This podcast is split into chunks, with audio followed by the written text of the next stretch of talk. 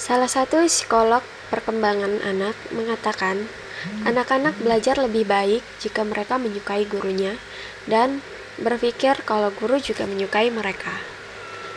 Proses belajar mengajar secara umum melibatkan dua hal, yakni cara otak memproses informasi dan kondisi psikologi. Perkembangan otak sebagai alat berpikir anak dipengaruhi oleh input yang didapat dari lingkungan. Input ini diproses secara berbeda oleh setiap anak. Itulah sebabnya kenapa setiap otak itu penting. Ada standar umum mengenai kapan otak akan dianggap siap untuk mempelajari suatu hal. Misalnya, pada pelajaran membaca. Umumnya, pada usia 6-7 tahun, anak dianggap siap belajar membaca sebab pada usia ini sistem pendengarannya sudah matang.